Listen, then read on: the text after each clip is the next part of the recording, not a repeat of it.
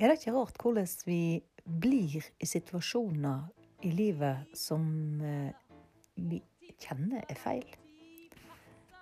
Vel, det skal jeg snakke om i dagens podkastepisode av Hvor tid hvis ikke nå. Hjertelig velkommen til Hvor tid hvis ikke nå-podkast. Podkasten for deg som har lyst til å følge drømmen din. Mitt navn er Linda Fosse, og jeg er artist. Og jeg har en lidenskap for å inspirere andre til å våge å følge sin drøm. For når skal du våge å ta tak i drømmen din, hvis ikke nå? Hvis ikke nå. Veldig ofte så befinner vi oss i situasjoner som eh, vi ikke liker. Og det er jo for så vidt greit hvis det er en eh, veldig sånn forbigående situasjon.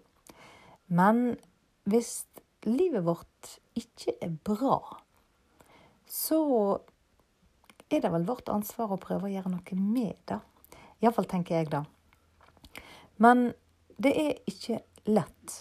Det er definitivt ikke lett å endre på livet endrer på ting som ikke fungerer. Men eh, For det vet jeg definitivt veldig mye om. Og jeg har utrolig stor respekt for de som ikke våger å gjøre noe med det, eller klarer å gjøre noe med det.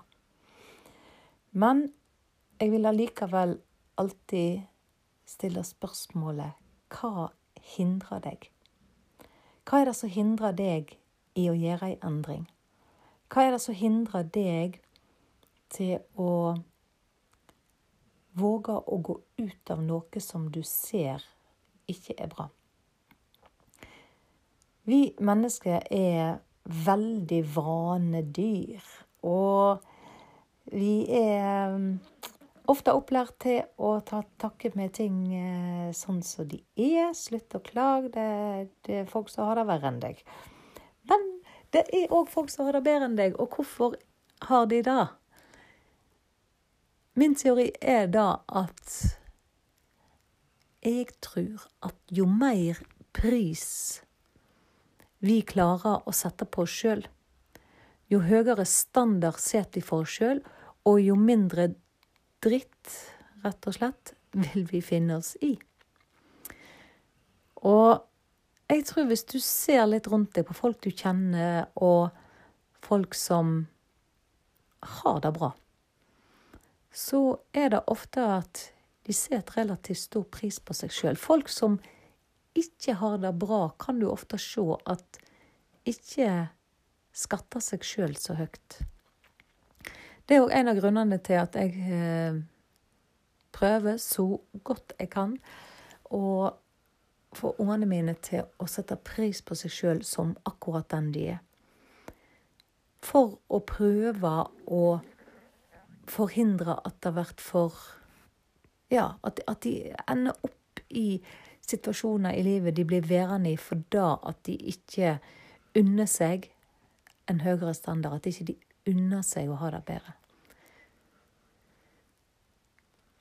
Vi er jo òg vanemenneske. Vi er òg eh, frykt Altså frykten for det ukjente. Vi er veldig eh, Vi veit hva vi har, men vi veit ikke hva vi får. Så jeg kjenner folk som er i en, eh, en jobb de ikke liker, f.eks. Men eh, vi må jo være der. Ja, det er klart, vi trenger, vi trenger penger for å leve.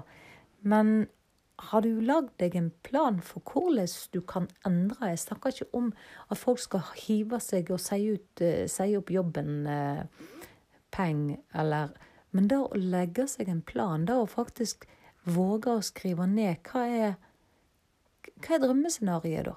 Hvordan Eller ett hakk opp. Hvordan vil det se ut da?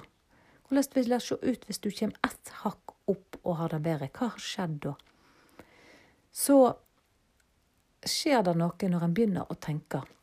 Når en begynner å ønske seg, når en begynner å se for seg en annen hverdag, så er det utrolig hva som skjer. Men det er klart, hvis du ikke i det hele tatt våger å legge en plan for hvordan du skal gjøre en endring, hvordan du skal komme ut av en situasjon som ikke er bra, så blir det heller ingen endring. Og jeg mener at det er vårt eget ansvar. Det er vårt eget ansvar å sørge for at vi har det bra. Og har vi det bra, har vi òg mer å gi til de rundt oss, som jeg tenker òg er et ansvar vi har. Og jeg vil så inderlig at du skal tillate deg å tenke ditt drømmescenario.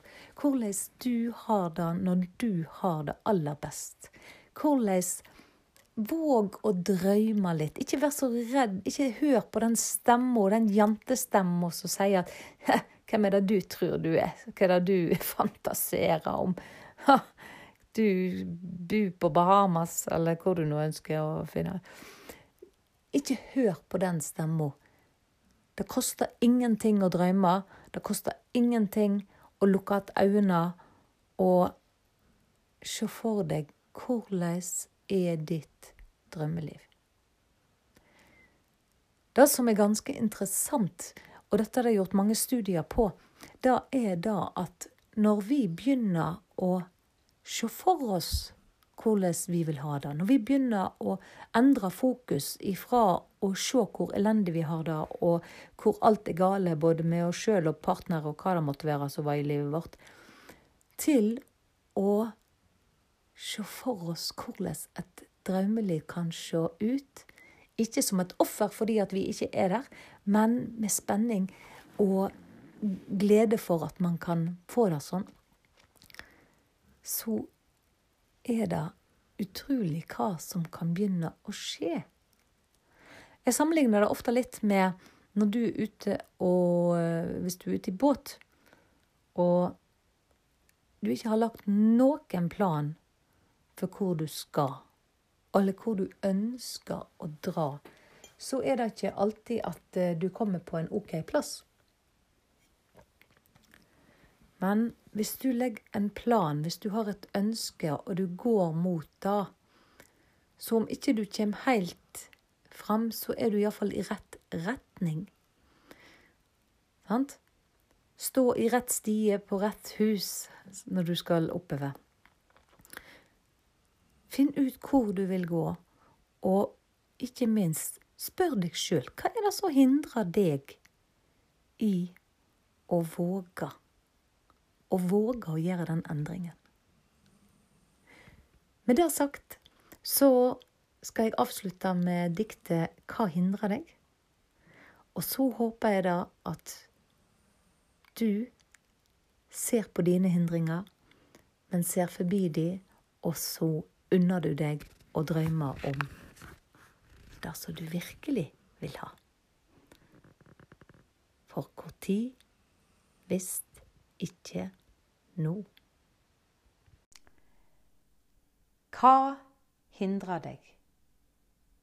Hva hindrer deg i å følge den drømmen du har?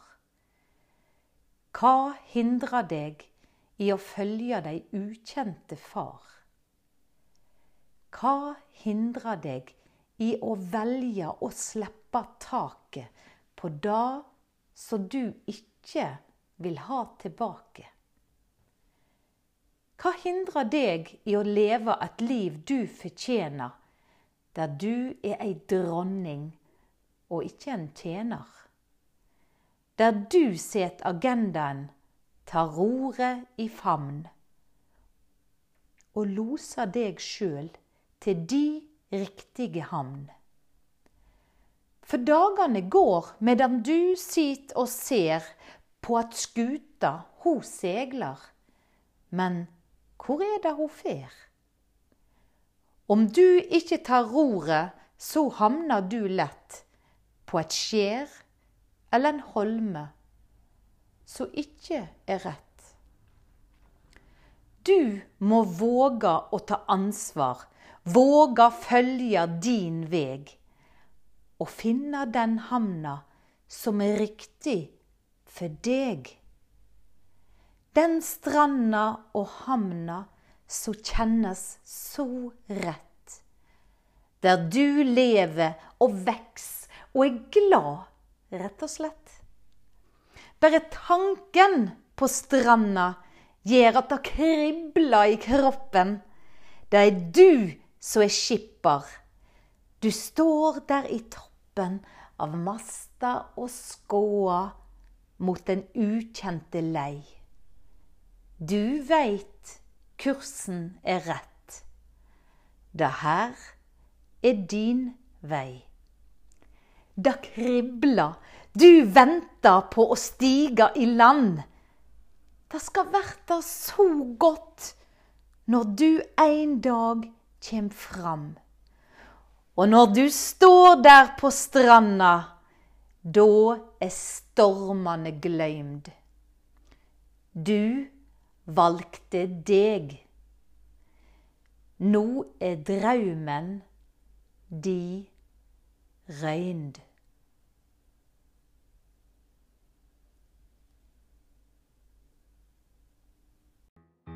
Du kan ikke vente i all eva. Så kort tid